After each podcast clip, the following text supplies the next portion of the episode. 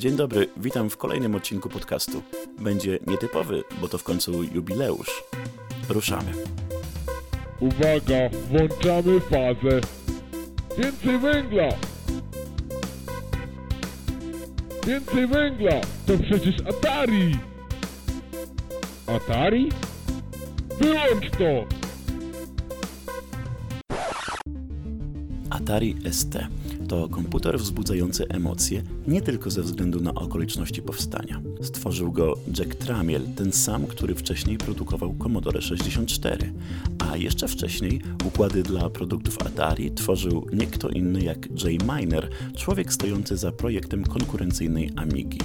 Istny groch z kapustą. Spróbujmy to uporządkować. Firma Atari powstała w 1972 roku i produkowała na początku słynną grę Pong, oczywiście w formie automatów, które okazały się spektakularnym sukcesem. Cztery lata później firmę sprzedano korporacji Warner i rozpoczął się nowy etap rozwoju.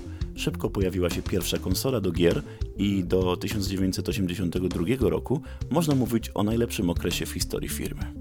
Niestety, sposób zarządzania okazał się na tyle zniechęcający, że wielu pracowników odeszło z Atari, tworząc własne projekty.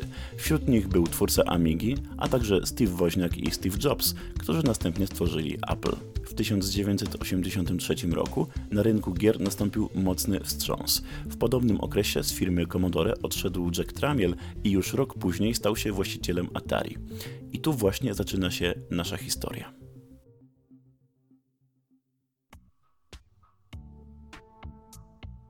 No właśnie, mamy wreszcie odcinek o Atari. E, wiele osób mówiło od początku, że jak więcej węgla, to musi być Atari. Wreszcie się udało.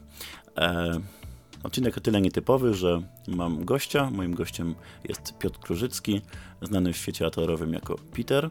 Człowiek, który stoi m.in. za reaktywacją legendarnego czasopisma Atari Fan, jak również pisał e, wiele artykułów do naszego magazynu RetroComp. Sytuacja wymaga e, małego wyjaśnienia na wstępie ponieważ rozmowę, którą przedstawię, odbyłem z Peterem już dosyć dawno, kilka miesięcy po ostatniej edycji imprezy RetroComp w Gdańsku.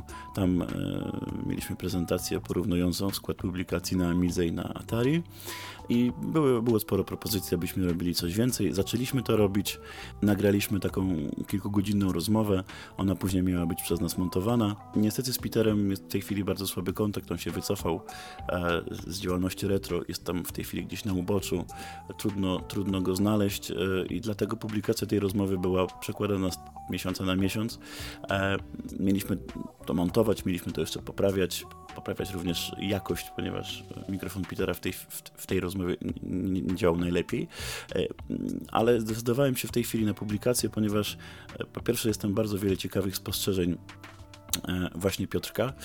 Po drugie, nie jestem pewien, kiedy w ogóle będę w stanie z Piotrkiem nagrać coś nowego, a ponieważ w tym roku będę również na imprezie Silly Venture, na czysto atarowskiej imprezie, to chciałbym takim właśnie wstępem pokazać, że będę bliżej Atari teraz. To znaczy, oczywiście nie będę e, opuszczał Amigi, e, ale chciałbym troszkę bardziej poznać również to, co robią atarowcy, bo na razie znam to bardziej e, no, na odległość. A o czym rozmawialiśmy? No, chcieliśmy zwrócić uwagę przede wszystkim na parametry techniczne obu komputerów, ponieważ były sprzedawane w tym samym okresie czasowym, tu można wymienić rok 92, a mocno, mocno się między sobą różniły. Amiga 1200 ma procesor 0,20, Zega 14 MHz i 2 MB pamięci graficznej. No to jest ważne, ponieważ pamięć Amigi jest podzielona na dwie części. Jeżeli ma tylko pamięć graficzną, tak zwaną pamięć chip, no działa nie tak szybko, jak mogłaby nominalnie działać. Mm, więc można powiedzieć, że konfiguracja Amigi 1200 to taka podstawowa konfiguracja do dalszej rozbudowy, właściwie przeznaczona praktycznie od razu. Natomiast y, Atari Falcon po pierwsze miał dużo szybszy procesor, a po drugie miał drugi procesor, e, co w tamtych czasach było no, czymś, czymś wręcz niesamowitym i na to właśnie zwrócił uwagę w rozmowie Peter. Zaczynając od procesora, który jednak jest, e, jest 0,30, w Amidze mamy 0,20, prawda? E, no i mamy ten drugi nasz procesor DSP, który, który jest takim, no jakby można powiedzieć, jest to komputer dwuprocesorowy, których no teraz no, to jest no, normą w naszych dzisiejszych czasach, no, ale wtedy to było taką nowością. Nie, nie, każdy wiedział, na czym to polega, moim zdaniem. Nie, nie było to e, dopiero wtedy ludzie zaczynali e, uczyli się programować na to. W ogóle to chyba pierwszy komputer taki dwuprocesorowy e, w, w domu, bo wcześniej to, to były jakieś stacje graficzne e, miały takie, tego, tego typu rozwiązania. Wtedy nagle Falcon z czymś takim wyszedł. E, no i to była nowość dla ludzi. I tak mi się wydaje, że do, do, dopiero po jakimś czasie, z, z, po, nie wiem, po pół roku dopiero, czy tam po, po, od, od premiery z, wszyscy wiedzieli na czym to polega, czyli jak, jak zaczynały powstawać jakieś tam e, dokompresory filmów, czy, czy tego typu em, oprogramowanie, które właśnie polegało na tym, że e, DSP e, e, mocno pracowało w tym, jakby przebywało część czynności przy odtwarzaniu na przykład filmów. Kolejna rzecz to pamięć. Yy, I znowu, Amiga była sprzedawana z pamięcią 2 MB, ale mm, można było ją rozbudować do, do 10. Taka dziwna wartość. To wynikało z tego, że, że po prostu mm, procesor Z20 ma swoje ograniczenia i nie można adresować więcej niż dodatkowo 8 MB tej pamięci już typu fast, tak to, się, tak to się nazywa. Jeżeli chcieliśmy więcej, trzeba było już kupić dodatkową kartę z innym procesorem, czyli tak zwaną kartę turbo. No i to był wydatek rzędu, można powiedzieć, no, ceny dru drugiej Amigi 1200. E, na Falconie sytuacja była inna, ponieważ można było bez karty turbo zamontować więcej, więcej pamięci i, i również takie konfiguracje były sprzedawane od razu.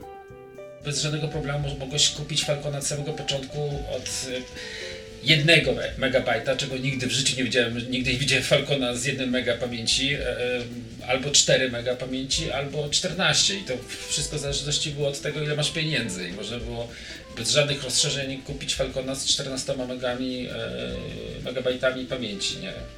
Jest, no, generalnie wkładasz tam pamięć, kostkę pamięci 16 MB, ale z tego co ja pamiętam, to sprawa się roz, rozbija o system operacyjny, że tam trzeba zarezerwować pewne e, adresy pamięci e, i dlatego po prostu te 2 MB zostały odcięte tak jakby i, i, i po prostu mamy do dyspozycji 14 MB. A co z grafiką? No tutaj tak sytuacja wygląda, że Amiga 1200 w stosunku do 500 ma e, rozszerzone możliwości przede wszystkim w wyświetlaniu ilości kolorów. Zamiast 32 czy 16 można w zwykłych trybach wyświetlić 256. W trybach takich trochę kombinowanych, które nazywały się HAM, zamiast 4000 kolorów można było wyświetlić 262 tysiące kolorów. Także w rozdzielczościach telewizyjnych praktycznie nie było widać różnicy e, takiego obrazu w stosunku do e, wyświetlania grafiki w pełni 24-bitowej, chociaż ten tryb jest w pewien sposób ograniczony, mm, można pewne przekłamania e, zauważyć e, na grafice, no ale nie było to aż tak widoczne. E, poza tym chipset AGA, który jest w AMD 1200, umożliwia bardziej swobodne mm, definiowanie parametrów obrazu, częstotliwości odświeżania, więc właściwie można było na takiej Amidze korzystać z dowolnego, praktycznie, czy prawie dowolnego monitora, bardzo mm, różne, nietypowe często parametry ustawiać za pomocą prostych programów. Natomiast jeżeli chodzi o, o Atari, to mi się wydaje, że było trochę inaczej. No co, no, z tego co, co, ja, co ja wiem, to jednak Amiga przewyższała trochę w Falcona możliwościami graficznymi, prawda? U nas, u nas ten procesor graficzny nazywa się Widel i on e, po, po, pozwalał na wyświetlanie w 262 tysięcy kolorów właśnie w 18-bitowej palecie barw, więc e, i to taki statyczny, czyli mogłeś po prostu, nie, nie miałeś e, żadnego migotania czy czegoś takiego. To, to, to, to, na tym się lepiej pracowało po prostu, moim zdaniem też, nie? No w trybie VGA to, to mogliśmy uzyskać, z tego co ja pamiętam, um, 16 kolorów w systemie bez żadnych tam jakichś e, trików i tak dalej. No ale w, e, już w trybie RGB w overscanie tak, niech pomyślę. Nie, w overscanie w, w, na VGA mogliśmy 256 kolorów, kolorów uzyskać. Tak, tak, tak. Możemy nadal. E, natomiast w RGB w, e, wtedy mamy, w, możemy uzyskać więcej tych kolorów, czyli 65 tysięcy kolorów naraz, nie? Natomiast na Atari bardzo ciekawą sprawą jest możliwość używania, jak tutaj to Peter określił, dopalaczy graficznych. W prosty sposób można to zainstalować na płycie głównej i mieć rozdzielczość na przykład 800 na 600 Na Amidze no, no, był to kłopot, ponieważ w tych wyższych rozdzielczościach, wyższych częstotliwościach układy graficzne e, no, były na tyle wolne, że, że ta praca nie do końca była komfortowa i wiele osób chciało mieć kartę graficzną już pełną, taką prawdziwą kartę graficzną, ale to znowu wymagało przekładania mnie do innej obudowy, do kupowania różnych rzeczy i było to i niekomfortowe i też, no też drogie. Natomiast w przypadku Atari no to mnie trochę zaskoczyło, że można było już, już dawniej używać tych takich dopalaczy, bo, bo na Amidze dosyć niedawno. Dopiero zaczęto myśleć o tym, żeby jakieś takie dodatki e, instalować w obudowie zwykłej, czyli tej takiej desktopowej, leżącej. Wyjątkiem był, była karta graficzna produkowana do kart e, turbo z procesorem PowerPC, ale taki komplet był bardzo, bardzo drogi, więc w ogóle mało kto tego używał, chociaż ja kiedyś rzeczywiście miałem. E, ale z kolei to ona też nie była ta karta najwygodniejsza w użyciu. Natomiast no właśnie jeśli chodzi o Atari, takie proste do, dodatki pozwalające powiększać możliwości graficzne, no bardzo mi się, bardzo mi się ta opcja spodobała. I, ale też w Atari można przyjąć, że od razu powstawały różnego rodzaju takie dopalacze graficzne i bez problemu można było wykorzystać na zwykłym Falconie wyższe rozdzielczości typu 800 na 600 szczególnie Niemcy e, w tym przodowali. E, I kupowało się po prostu taki, taką, taki interfejs, taki między, między mordzie, pomiędzy, pomiędzy, gdzie się wpinało do Falcona i pomiędzy kabel w normalny VGA i wtedy w, tam, w ten widel był podbijany i, i, mieliśmy dużo lepsze rozdzielczości. To też nie, raczej, jeżeli był dobry ten cały system, e, to nie spowalniało nic i, i fajnie się już wtedy pracowało, bo jednak te 640 na 480 to tak jak tobie już kiedyś wcześniej mówili, mówiłem przy, przy rozmowach, to dla mnie to było troszeczkę takie zaskoczenie, że tutaj nagle przesiadam przez Atari TT, e, które miałem wcześniej, e, na Falcona, który nagle ma niższe rozdzielczości, a ja będąc tam DTP-owcem, pracując na wysokich rozdzielczościach, nagle mam tutaj mniejsze możliwości, prawda? Dostaję komputer tak jakby, który ma mniejsze możliwości graficzne, takie na sam początek, w porównaniu z komputerem, który miałem wcześniej już, nie? No to miałem TTH, czyli to są wysoką rozdzielczość e, Atari i ją można było uzyskać tylko na specjalnych monitorach, którego w ECL, monitor taki mam do tej pory, i to była rozdzielczość jednokolorowa, to jednokolorowa, czyli, mm, czyli po prostu miałem tylko jeden kolor na ekranie, ale za to mogłem otworzyć sobie kalamusa i E, I w, no, dosłownie w skali 1 do 1 miałem um, kartkę A4 wyświetlało mi na ekranie, czyli po prostu to, co później wyszło z drukarki czy z drukarni, miałem to na, na ekranie. No i, tą, i to była rozdzielczość wtedy już 1280 na 960 pikseli, nie? A, tylko, że trzeba było mieć pewne doświadczenie i wiedzieć, co projektujesz, no bo to wiesz, importowałeś obrazek i widziałeś go tylko w e, czarno-biały, aczkolwiek e, też e, była karta graficzna do TTT, gdzie mogłeś korzystać z dwóch monitorów e, na Kalamusie, nie? czyli po prostu e, miałeś tak mniejszy monitor e, do podglądu lub do narzędzi atorowski też, Atari PT, no nieważne, nie pamiętam tego, tego, tego, mam ten monitor też, E, gdzie miałeś kolor, a na drugim monitorze miałeś właśnie, e, pracowałeś na czarno-białym, nie? W tym monitorze, więc e, no, chciałem tylko powiedzieć po prostu, że musiałeś się domyślać, jaki kolor obecnie obsługujesz tam po, po, wiesz, po składowych cmyka i tak dalej, nie? Więc to było, to było ciekawe. No, kiedyś nie było takich norm, cokolwiek tam wypuszczałeś, czerwony to był czerwony dzisiaj, każdy patrzy pod lupą, czy to, w, wiesz, jak, jaki to jest czerwony. Kolejna ciekawa rzecz to kontrolery do dysków, ponieważ Amiga 1200 ma wewnętrzny kontroler IDE 2,5 calowy, taki pojedynczy, czyli można używać dwa, e, dwóch, e, używać można dwóch urządzeń. Można w dosyć prosty sposób dokupić taki adapter pozwalający używanie czterech urządzeń, no ale Ta transmisja danych nie jest zbyt szybka, bo to jest kontroler, który tam używa tego najwolniejszego trybu pracy, a zewnętrzne, czy, czy w ogóle możliwość podłączenia innych kontrolerów znowu wymagała podłączenia, dokopywania kart turbo, więc jakby wszystko musiało być powiązane. Najpierw kupujemy kartę turbo, potem kupujemy dopiero mm, do tego kontroler dodatkowy, no chyba, że, że mamy już komputer przełożony do obudowy e, typu Tower i tam można sobie zainstalować sloty, tak zwane sloty Zorro amigowe lub sloty PCI, nawet PC-owe, gdzie można sobie różne karty wkładać. Natomiast no to jest, tak jak mówiłem wcześniej, już dosyć niewygodne i zawsze było drogie. E, na Falcon tu trzeba przyznać, że miał i kontroler ID, i kontroler SCSI, czyli w sumie dwa kontrolery na jednej płycie głównej i to praktycznie załatwiało sprawę. Jeszcze tutaj dodał jeszcze, że nawet y, Atari pomyślało i e, w Falconie mamy od razu na płycie głównej złącze SCSI dwójkę, które właśnie pozwalało na hard recording, czyli e, bezpośrednie nagrywanie dźwięku na dysk twardy i, i, i po prostu e, to wyjście można, po, można po, prostu podłączać zewnętrzny dysk twardy z Kazi, e, nie musisz tego wkładać do środka, co było chyba moim zdaniem plusem. I, i masz normalne studio muzyczne, nie? Że, że to jest dodatkowy atut tego, tego, tego wiesz, że, że po prostu ten dźwięk mógł, mógł być obrabiany przez tą całą architekturę Falcona, a jednocześnie nagrywany na, na dysk twardy. Nie? To było nowością w tamtych komputerach domowych. E, Peter też wspomniał w pewnym momencie o, o oglądaniu filmów e, i odtwarzaniu również muzyki, ale już w formacie MP3 Filmy natomiast tutaj y, mówiliśmy o formacie FLI.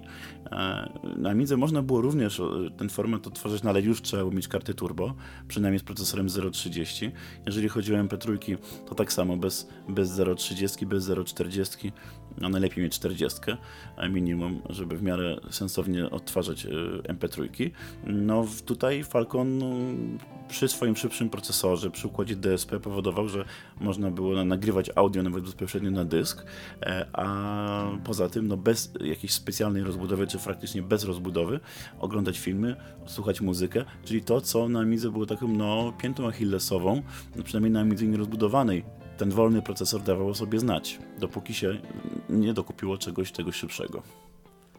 Znaczy, no wtedy pamiętam, że to były. Yy, musiał, no wtedy nie mieliśmy internetu przecież jeszcze i jedyne na dyskietkach mogły przyjść te filmy, czyli po prostu one mogły mieć to w 1.44 pojemności, można powiedzieć, żeby tam nie dzielić.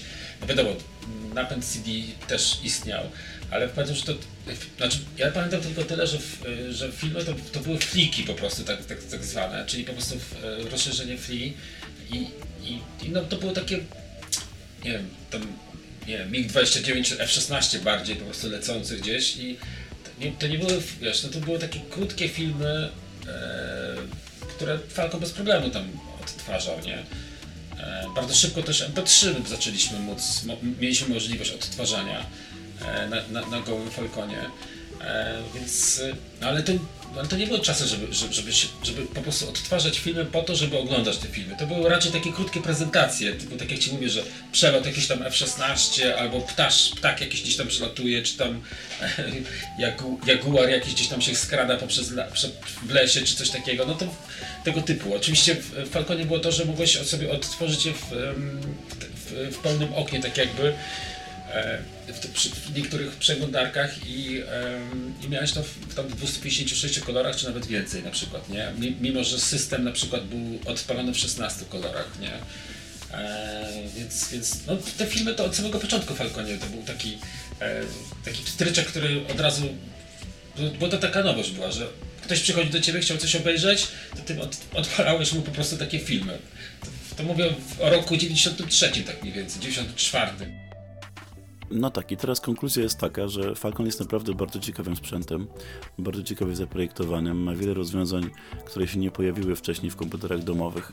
Już nie mówię o tym szybkim procesorze z MMU, możliwość łatwego montażu koprocesora, drugi y, procesor y, DSP, które przecież można używać nie tylko do obróbki dźwięku, ale po prostu do obliczeń, y, ale tam jest też na przykład tryb czanki, 16-bitowy graficzny, możliwość łatwego podłączenia monitora VGA, e, od razu dwa kontrolery dysków. No na Midze wiele tych rzeczy trzeba było dokupywać i niektóre wcale nie były takie łatwe, jak na przykład stacja dysków HD do tej pory nie jest na Midze popularna, e, bo, bo są pewne kłopoty z wykorzystaniem. Można oczywiście taką stację podłączyć, ale, ale jest i droga i, i nie było tak łatwo ją po prostu ze względu na specyfikę kontrolera. Także podsumowując, bardzo ciekawy sprzęt. Niestety to, co w moim przekonaniu zabiło Falcona, to system operacyjny. Atari nigdy nie miał szczęścia do systemu. Tam zawsze były kłopoty z multitaskingiem, z elastycznością. W ogóle z, ten system wydawał się bardzo estetyczny i taki właściwie dziwny. Możliwości uruchomienia, nawet ustawienia nie były jakieś, jakieś rozbudowane. Natomiast na Amidze właśnie elastyczność systemu, wielozadaniowość, możliwość ustawienia pod siebie, modyfikacje to była podstawa. Można powiedzieć, że w wielu miejscach E, przeszkadzało użytkownikom, bo system nie był najprostszy w obsłudze, ale jednak e, no, nie było kłopotów z jednoczesnym uruchamianiem kilku programów. A tutaj na Atari było diametralnie inaczej i to właściwie można powiedzieć, że wyznaczyło również podejście użytkowników do oprogramowania, bo Peter w pewnym momencie spytał mnie nawet, mm, do czego mi to wiele zadaniowość była potrzebna, do czego używałeś tego multitaskingu. To bardzo ciekawe pytanie na gołym Esteku, jak i na gołym Falconie nie było w ogóle multitaskingu. Dopiero sobie go wczytywałeś po prostu, nie? Już zanim Falcon się pojawił, no to już był, były systemy, które to, to multitas ten multitasking y, proponowały. Bez żadnego problemu. Nawet jak Falcon powstał, to, to w, e, jakby one nie były jeszcze przez chwilę nie były dostosowane do Falcona, czyli po prostu mogłeś to robić na ST, miałeś na, na ST miałeś multitasking, a na, na Falconie nie miałeś tego multitaskingu, nie? Chociaż powiem Ci, że na tym na ST to ja, jakoś tak nigdy nie używałem tego multitaskingu. Jak już po prostu uruchamiam jeden program, to uruchamiam jeden program, nie? Czyli, czyli wiesz, wiesz bo myśmy jeszcze mieli tak, tak zwane akcesoria. E, czyli po prostu przy, na, przy, przy gołym tosie e, mogłeś po prostu sobie wczytać jeszcze jakieś tam drobne programiki, akcesoria typu, nie wiem, e, odtwarzacz na przykład modułów, e, nie? gdzieś tam po prostu jakby dodatkowy e, pasek zadań i, i tam ci się, mogłeś sobie wcześniej wczytać, czyli cokolwiek, no nie wiem, kalkulator, grę prostą na przykład. I tu dochodzimy do momentu, w którym należy powiedzieć, że to właśnie oprogramowanie utrzymywało i utrzymuje Amigę przy życiu, ponieważ sprzęt e, mógł nie być najszybszy, trzeba było go rozbudowywać, może to nie było najtańsze, ale jednocześnie rekompensowało to oprogramowanie. E, sam system, który ma, ma ogromne możliwości rozbudowy, oprogramowanie użytkowe, również nie tylko, bo gry, ale po prostu oprogramowanie, które sprawiało, że ludzie chcieli używać Amigi, a nie innego komputera. Na Atari mam wrażenie, że przesiadka na PC była łatwiejsza, bo Atari jednak miało sporo takich cech, które były podobne, a można powiedzieć, no powiedzmy y, system y, nazewnictwa 8 plus 3 na, na przykład, gdzie na Amidze zawsze były długie nazwy. Y, sam graficzny system, który no wcześniej występował przecież na PC, Jam to jest system jeszcze, jeszcze ze starego PC, później również implementowany był na Macach, ale no to już są moje jakby takie mm, poboczne mm, komentarze, bo, bo pewnie ludzie różnie myśleli, przez dzisiaj też e, mamy szeroki, e, szerokie środowisko atarowców, ale to jednak amigowe te systemy nowe, które dzisiaj się rozwijają, są bardziej dopracowane i one w pewnym momencie mogły być, czy były nawet przez wiele lat realną alternatywą dla PC-ta. Także dla mnie jest to ogromna wartość, e, ale oczywiście, no jeżeli byśmy tylko e, przyjęli e, porównanie klasycznej Amigi z klasycznym Atari, to by trzeba było chyba powiedzieć, że najlepiej jakby połączyć wszystkie najlepsze cechy obu tych komputerów, to wtedy dopiero wyszłaby super maszyna.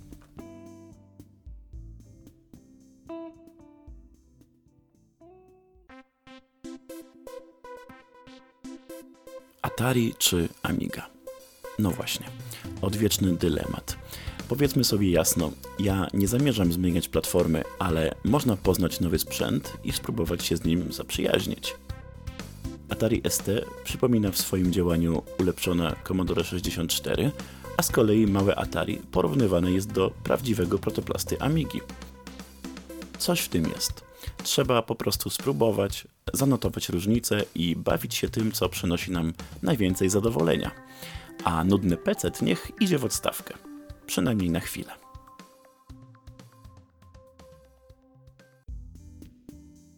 Bardzo dziękuję Peterowi za rozmowę. Mam nadzieję, że będziemy mogli w przyszłości jeszcze współpracować, może publikować więcej materiałów, więcej naszych, naszych dyskusji, czy może nawet film, filmów, bo były takie propozycje. Ale to jest kwestia przyszłości, trudno powiedzieć kiedy. A teraz na koniec jeszcze pytania. Pierwsza rzecz, pytacie o dostępność y, magazynu Komoda i Amiga Plus. Y, jest tym bardzo różnie, bo tam są numery i polskie, i angielskie, te same numery w dwóch wersjach językowych. My nie zawsze jesteśmy w stanie przewidzieć dostępność, ponieważ my nie drukujemy tej gazety. Tak jak te inne są drukowane u nas, to Komoda i Amiga jest drukowana zupełnie zewnętrznie przez redakcję y, tej, tej gazety. My po prostu dostajemy od nich partię czasopism, a jeżeli się u nas już skończy, to e, zamówienia są realizowane od nich. Natomiast w momencie, kiedy się kończy i u nas, i, i u nich, musimy czekać na, mm, na, na dodruk, na nowy nakład i y, my tu nie mamy wpływu na to. Oni podejmują samodzielne decyzje, kiedy ten nakład y, drukować i w momencie, kiedy pytacie o dostępność innych rzeczy, ja mogę mniej więcej y, określić, kiedy to będzie. Czasami to się przesuwa, czasami się to zmienia, to prawda, ale no, plany są, są, są tworzone i mniej więcej można powiedzieć, kiedy ten, ten druk i wysyłka nastąpi. A tutaj nie jesteśmy często w stanie na napisać, ponieważ dopóki nie dostaniemy informacji od, od, od, od redakcji, no to trzeba po prostu poczekać.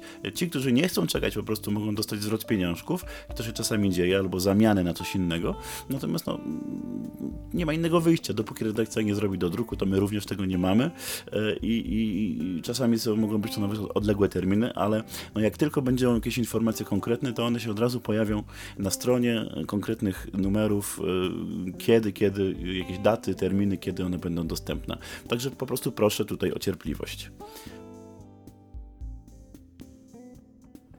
Były też pytania odnośnie polskiego wydania mm, numeru specjalnego magazynu Amiga User, którą, który mieliśmy na imprezie Amiga 34 w Noise w Niemczech. Mm, to powiem tak, no, Amiga User jest angielskim wydaniem Amigazynu w gruncie rzeczy, więc tu nie będzie bezpośredniej polskiej edycji, ale te materiały, które tam mieliśmy, które się pojawiły, jeszcze więcej, które również po imprezie udało się zebrać, będą w tłumaczeniu oczywiście e, drukowane w najnowszym numerze w Amigazynu, czyli w numerze 21. Również będzie można osobno dokupić dodatki, które mieliśmy tam na imprezie, także e, wszyscy na pewno będą mogli się w nie zaopatrzyć. A Amigazyn 21 już jest u nas reklamowany, a terminy, jak również te dodatki, które niedługo pokażemy, bo one będą też przetłumaczone, no będzie można już też niedługo zamówić. Myślę, że w przyszłym tygodniu takie zapowiedzi już powinny się pojawić na naszej stronie. I jeszcze taka informacja e, dla osób, które, które są zainteresowane bliżej tym, co działo się na imprezie Amiga 34 w Noise. E, niedawno z Radzikiem, z Krzyśkiem Radzikowskim nagraliśmy taki podcast w wersji angielskiej, natomiast po polsku o swoich wrażeniach e, będę mówił w, na moim kanale na YouTubie. Nowy film pojawi się w przyszłym tygodniu tam i będę chciał pokazać, co się działo na imprezie pokrótce i opowiedzieć również o swoich wrażeniach, o swoich rozmowach i w ogóle o tym, co się tam działo, bo byłem w ogóle w Niemczech praktycznie przez, przez tydzień czasu. Także bardzo serdecznie zapraszam. Oczywiście w tym nowym odcinku będzie nie tylko o tej imprezie Amiga 34, ale w dużej mierze też, też będę o tym mówił.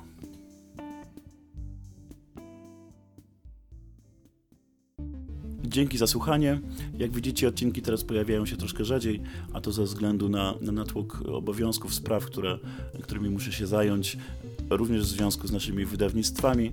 E, postaram się nagrywać je, je częściej. Natomiast dla wszystkich tych, którzy chcieliby ze mną się zobaczyć, porozmawiać, taka informacja, e, jeszcze raz powtórzę, będę na imprezie Silly Venture w Gdańsku, a oczywiście poza tym niezmiennie zapraszam do kontaktu przez Facebooka, Twittera, jak również do kontaktu przez naszą stronę amiga.net.pl. Wystarczy wejść do zakładki kontakt i na pewno informacja e, do mnie dotrze. Dzięki i do usłyszenia.